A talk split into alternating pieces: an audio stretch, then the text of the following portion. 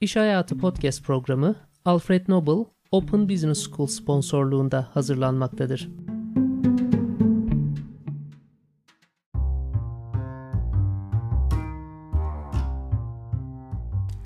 Evet herkese tekrardan merhabalar. Bugün yeni bir kayıtla beraberiz. Sezon 2 bölüm 2 ile Taner Yıldız podcastinde hep beraberiz. Bugün sizinle beraber e, Türkiye'de son zamanlarda oldukça popüler olmaya başlayan bir konuyla ilgili konuşmak istiyorum. E, bugün yanında bir de konuğum var. Normalde monolog, monologlarıma alışkınsınız ama bugün e, eşim sevgili İknur Yıldız bizimle beraber olacak. Ee, onu konuk alma sebebim aslında e, hem e, kendisi bana konuk olmak istedi. E, onu söylemek istiyorum. Hem de e, Türkiye'de zaten e, son zamanlarda popüler olan bir konu olan koçluk üzerine e, son zamanlarda oldukça e, vakit harcıyor, zaman harcıyor ve okumalar yapıyor. Aynı zamanda kendisi e, son e, bir yıl oldu sanıyorum. Son bir, bir, bir yıldır e, profesyonel olarak koçluk yapıyor. Bugün kendisine hem e, sorularım olacak hem benim henüz kendisine sormadığım sorular bunlar hem de sizlerin merak edeceğini düşündüğüm konular bunlar. Koçlukla ilgili, yaşam koçluğu, profesyonel koçlukla ilgili konuşmayı düşünüyorum. İlginizi çekeceğini umuyorum. Bugün böyle bir podcast yapmak istedim. Biliyorsunuz e, normal şartlar altında genellikle spor ve kültür e, konuları konuşmaya çalışıyorum. E, geçtiğimiz podcast'ta olan ilginize de çok teşekkür ederim bu arada. Gayet güzel geri bildirimler aldım. Bu arada podcast podcast'im hem Spotify hem Apple Podcast, Google Podcast ve popüler podcast uygulamalarında şu anda yayında. Sevdiklerinizle paylaşırsanız ve subscribe olursanız, kayıt olursanız da çok sevinirim. Ben lafı çok uzatmadan sözü eşim İknur Yıldız'a bırakmak istiyorum. Öncelikle tabii e, kendisini tanıtarak başlamak e, isteyeceğim. E, hem sizlerin onu biraz daha yakından tanıması için hem de konuya girizgah olması açısından. Buyurun İknur Hanım. Çok teşekkürler Taner. Ee, öncelikle beni programına çağırdığın için, davet ettiğin için çok teşekkür ederim. Herkese merhaba. Ee, ben biraz kendimden bahsedeyim sizlere. Ben e, yaklaşık, madem koştuktan bahsediyoruz, meslekten girerek kendimi tanıtayım. Yaklaşık 10 yıl turizm sektöründe çalıştım. Daha sonra e, bir değişikliğe ihtiyacım olduğunu karar karar verdim ve ortalama bir yıl oldu, yaklaşık bir yıl oldu artık koçluk mesleğini yapıyorum. Daha da eskilere gidersek aslında ilk 18 yılımı İzmir'de yaşadım yılında. Daha sonra Balıkesir Üniversitesi konaklama işletmeciliğini kazanıp 4 yılımı Balıkesir'de geçirdim. Sonra bir yıl tekrar İzmir'de geçirdikten sonra İstanbul'a taşındım. Çünkü biliyorsunuz ki iş hayatı İstanbul'da ve 6 yıl İstanbul'da yaşadıktan sonra tabii bu arada evlendim ve eşimle beraber İngiltere'ye yerleştik. Bu süreçte e, evlendikten sonra hamilelik sürecimde işi bıraktım. Rahat bir hamilelik ve çocuğumu da kendim büyütmek istediğimden bu arada kendime vakit ayırdım. Hamilelik sürecim boyunca kendimle ilgilenirken dedim ki ben ne iş yapabilirim? Çocukla ilgilenirken hem freelance çalışabileceğim hem de zevk alabileceğim bir iş merak ediyordum. Sürekli bunu araştırdım. Bunları araştırırken biz İngiltere'ye taşındıktan sonra ben bir şekilde koçlukla tanıştım. Ee, ve koçluğun gerçekten bana ne kadar uygun olduğunu, bundan ne kadar çok zevk alacağımı fark ettim. Daha sonra da e, koçluk eğitimlerimi aldım ve yaşam koçu oldum. Uzmanlıklarım üzerine şu aralar çalışıyorum. Bu arada profesyonel olarak koçluk yapmaya da devam ediyorum. Harika. Ee, bence güzel bir giriş oldu. Hem e, dinleyicilerin e, seni tanıması açısından hem de e, bu serüvenin nasıl olduğunu duymaları açısından. Tabii Türkiye'de olsun, dünyada olsun emektar kadınlarımızın özellikle çocuk hayat hayatlarına çocuk girdikten sonra ne kadar zorlandıklarını, ne kadar e, belki de iş hayatına dönüş yaparken ne kadar zorlandıklarını hem okuyoruz hem görüyoruz. E, ben de seninle beraber aslında bu geçişin ne kadar zor olduğunu gördüm ve senin arayışının aslında e, her zaman farkındaydım ve e, gözlemcisi olmuştum. E, elimden geldiğince de e, tabii ki e, o dönemi hatırlıyorum yaklaşık bir sene önce desteklemiştim de. E, tabii e, şimdi şu anda dinleyicilerimiz için çok yeni bir kavram olabilir koçluk. E, işte sosyal medyadan sosyal medyadan olsun ya da e, dizilerden olsun, e, belki de okudukları kitaplardan olsun koçlukla ilgili bir şeyler duymuş olabilirler, bir fikirleri olmuş olabilir. Ama benim aslında sormak istediğim e, her ne kadar Amerika Birleşik Devletleri, İngiltere veya batılı ülkeler dediğimiz ülkelerde e, biraz daha oturmuş olan bir kavram olsa da e, biraz koçluğun ne olduğunu, en azından şu ana kadar hani birçok kişiyle koçluk yaptığını biliyorum. Onun dışında her danışanın da farklı algıları olduğunu biliyorum koçlukla ilgili. O yüzden sen bize bu konuyla ilgili biraz daha e, açıklığa kavuşturursan bu konuyu e, çok seviniriz. Teşekkürler Taner. Böyle bir soru sorduğun için. Ee, koçluk şöyle söyleyeyim. Danışanın içindeki potansiyeli açığa çıkartmak demek. Bu ne demek? Şimdi sen bir danışansın, bir koça gittin ve koçla bir konu üzerinde görüşüyorsun. Neden görüşürsün koçla? Bir çözüm yolu bulmak için değil mi? Koç sana çözüm yolunu söylemez ama senin çözüm yolunu bulmanı sağlar. Nasıl sağlar bunu? Biz tabii eğitimlerde aldığımız tekniklerle, e, danışanlarımıza sorduğumuz sorularla ona e, çözüm yollarını kendisinin keşfetmesini ya da bulmasını ya da hatırlamasını sağlıyoruz. Ve böylece koçluk aldığı konuyla ilgili e, aradığı şeyi kendisi bulabiliyor.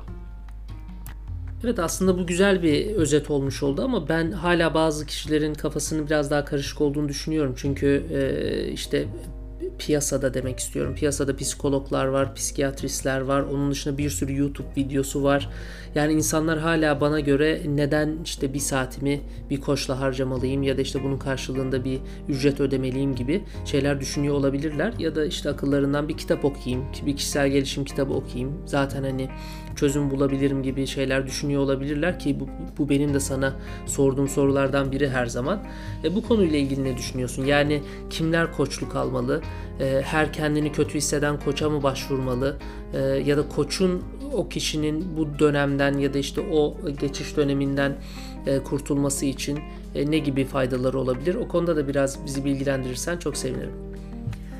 Aslında şöyle söyleyebilirim. Koçluk herkes alabilir. Çünkü koçluk hayatın her alanında var. Koçluk e, uzmanlık alanları da var biliyorsun ki ilişki koçluğu, yönetici koçluğu, kariyer koçluğu vesaire gibi. Dolayısıyla hayatın her alanında zaten bunlar var. Peki psikologların, danışanların ya da mentörlerin koçluktan farkı ne? Sorularından biri de buydu zaten psikologlarla ilgili sorduğun soruda. Şimdi insanlar psikoloğa genellikle psikolojisini gerçekten bozuk hissettikleri zaman giderler. Eğer bir danışan psikolojisi bozuksa ve bir koçla görüşüyorsa koç bunu kesinlikle anlayacaktır ve bunu e, danışana kesinlikle çok güzel bir şekilde psikoloğa gitmesi gerektiğini söyleyecektir. Bunun dışında danışmanların koçtan farkı nedir? Bunu söylemek istiyorum. Danışmanlarla genelde şirketler... Özür dilerim danışmanlar derken yani şu anda özel sektörde e, işte şirketlere danışmanlık yapanlardan bahsediyoruz. Tabii. Bunlardan Hı-hı. bahsediyoruz. Onun dışında bir de e, kişisel danışmanlar da var. Yani kariyer danışmanları var. Hani koçluktan ziyade bunlar kavram kavraşası e, Onlar biraz daha mentor diye geçiyordur. Hı-hı. Geçiyor olabilir. Hı-hı. Ee, danışmanlar daha çok evet şirketler bazında şirketlere yardımcı oluyorlar.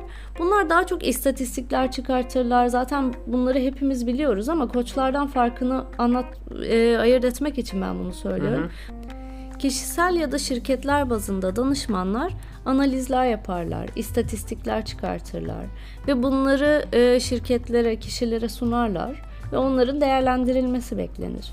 Danışmanların aslında yani tabii ki ben danışmanların görev tanımını burada yapmayacağım.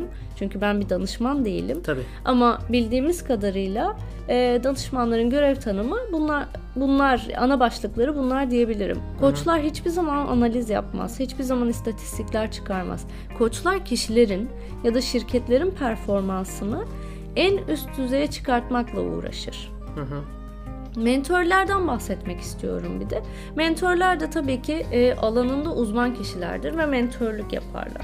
Evet bir de evet gerçekten bir de mentörlük durumu var yani mentörlük kavramı var. Peki koçlar aynı zamanda mentörlük yapabilir mi? Tabii ki yapabilir. koç mentörlüğü de yapabilirler ya da alanlarında farklı e, geçmişleri varsa, farklı uzmanlıkları varsa bu konularda da mentörlük yapabilirler. Yani mentörlük nedir? İşin uzmanı demektir. En iyi bilen kişi demektir. Dolayısıyla bir koç neden mentör olamasın ki? Tabii ki olabilir. Yalnız koçluk yaparken mentörlüğü aynı anda yapmaz. E, koçluğu koçlukta yapar, mentörlüğü mentörlükte yapar. Evet burada aslında araya girip hemen şunu sormak istiyorum. Çünkü e, işte günümüz dünyasında insanlar e, çok daha fazla yardıma ihtiyaç duyuyorlar. Çok daha fazla e, yönlendirilmeye de belki ihtiyaç duyuyorlar. Özellikle sosyal medyanın son belki 5-8 senedir sosyal medyanın insanlar üzerindeki etkisini düşünürsek bir de hani sosyal medyada influencerlar var. İşte influencerlıktan koçluğa geçenler var. Hatta koçluktan ya da direkt influencerlıktan işte mentörlüğe geçenler var. Ya da en azından kendilerini bu şekilde lanse eden simalar var, isimler var. Ve aslında başarılı olduklarını da biliyoruz. Bir şekilde bazı durumlarda başarıya dahi ulaştıklarını görüyoruz. Bunlarla ilgili durum nedir? Yani çünkü herhangi bir eğitim alınmamış gibi görünüyor. Sadece sanki yaşam tecrübesiyle bunu yapıyorlarmış gibi görünüyor. Bununla ilgili de biraz yorum yaparsan çok sevinirim. Tabii ki. Sosyal medyada e, popüler olan bu influencerlar e, genellikle kendi popülerliklerini kullandıkları için başarılı olabiliyorlardır muhtemelen. Kendilerini koç diye e, adlandırmalarının sebebi de e, koçluğu bilmemelerinden kaynaklanıyordur. Muhtemelen en iyi bildikleri konuda mentörlük yapmaktır amaçları ya da e, yaşam tecrübelerini aktarmak olabilir. Dolayısıyla bu koçluk olmuyor, koçluk yapmıyor oluyorlar aslında ama kendilerini e, bir şey koçuyum ya da koçum diye tanımlıyor olabilirler. Evet orada da yine e, aslında her ne kadar influencer da olsalar anladığım kadarıyla bir kavram karmaşası yaşanıyor gibi görünüyor. Tıpkı Amerikan filmlerindeki evet. kavram kar, e, karmaşası olduğu gibi. Peki işte bizi dinleyen e, dinleyicilerimizden olabilir ya da işte bizi sonra dinleyecek belki aylar sonra dinleyecek e, dinleyicilerimizden koç olmak isteyenler ne yapmalı? Yani e, işte koçluğu görmüş olabilirler, duymuş olabilirler, almış olabilirler ve etkilenmiş olabilirler bu işten. E, onun dışında işte ne bileyim e, tıpkı senin serüvenine benzer bir serüven geçire, geçirebilirler. Koçluk koç olmak isteyenler kısacası ne yapmalı? Koç olmak isteyenler öncelikle tabii ki araştırmalılar. Koçluğu gerçekten yapabileceklerine inanıyorlar mı? Çünkü koçluk gerçekten muhteşem bir dinleme sanatı her şeyden önce. Ee, bunu gerçekten zevkle yapmadığınız sürece, isteyerek yapmadığınız sürece zaten iyi bir koç olamazsınız. Dolayısıyla gerçekten kendilerine bu mesleğe ait hissediyorlarsa koçluk mesleğine yönelebilirler tabii ki. Bunun için ICF yani International Coach Federation Türkçesi de Uluslararası Koçluk Federasyonu'na bağlı eğitim kurumları var. Bu eğitim kurumlarından e, eğitim almalarını tavsiye ederim. Ve ICF'e bağlı birer koç olabilirler, ünvan alabilirler.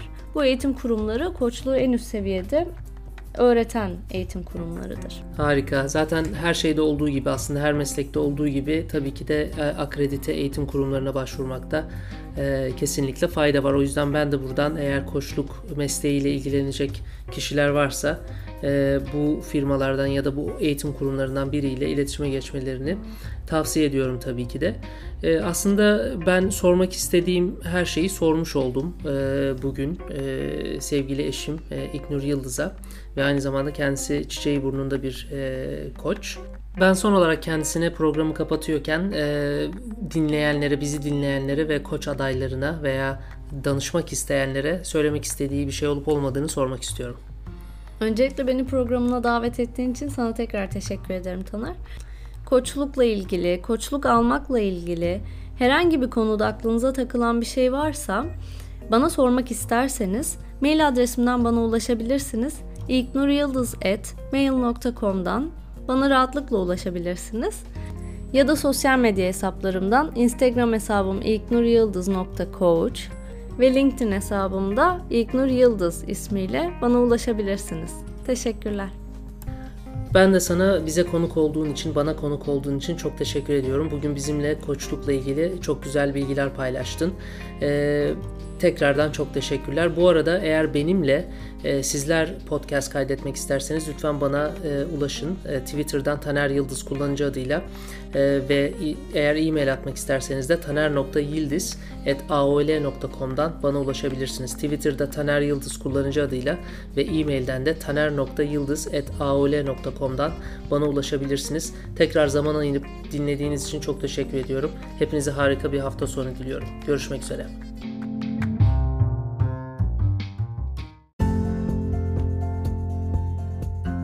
Hiç daha önce yurt dışında uzaktan eğitim almayı düşündünüz mü? Günümüz şartlarında uzaktan eğitim yeni normalin kendisi oldu ve kampüs hayatıyla hemen hemen aynı seviyede rağbet görmeye başladı. Siz de eğer programımızın sponsoru olan Alfred Nobel Open Business School ile uzaktan profesyonel koçluk, lisans, MBA ya da işletme doktorası eğitimi almayı düşünüyorsanız podcast kanalımdaki iletişim formunu doldurabilir işhayatı.iletişim.gmail.com'dan bana yazabilir ya da Twitter'dan Taner Yıldız kullanıcı adıyla ulaşabilirsiniz.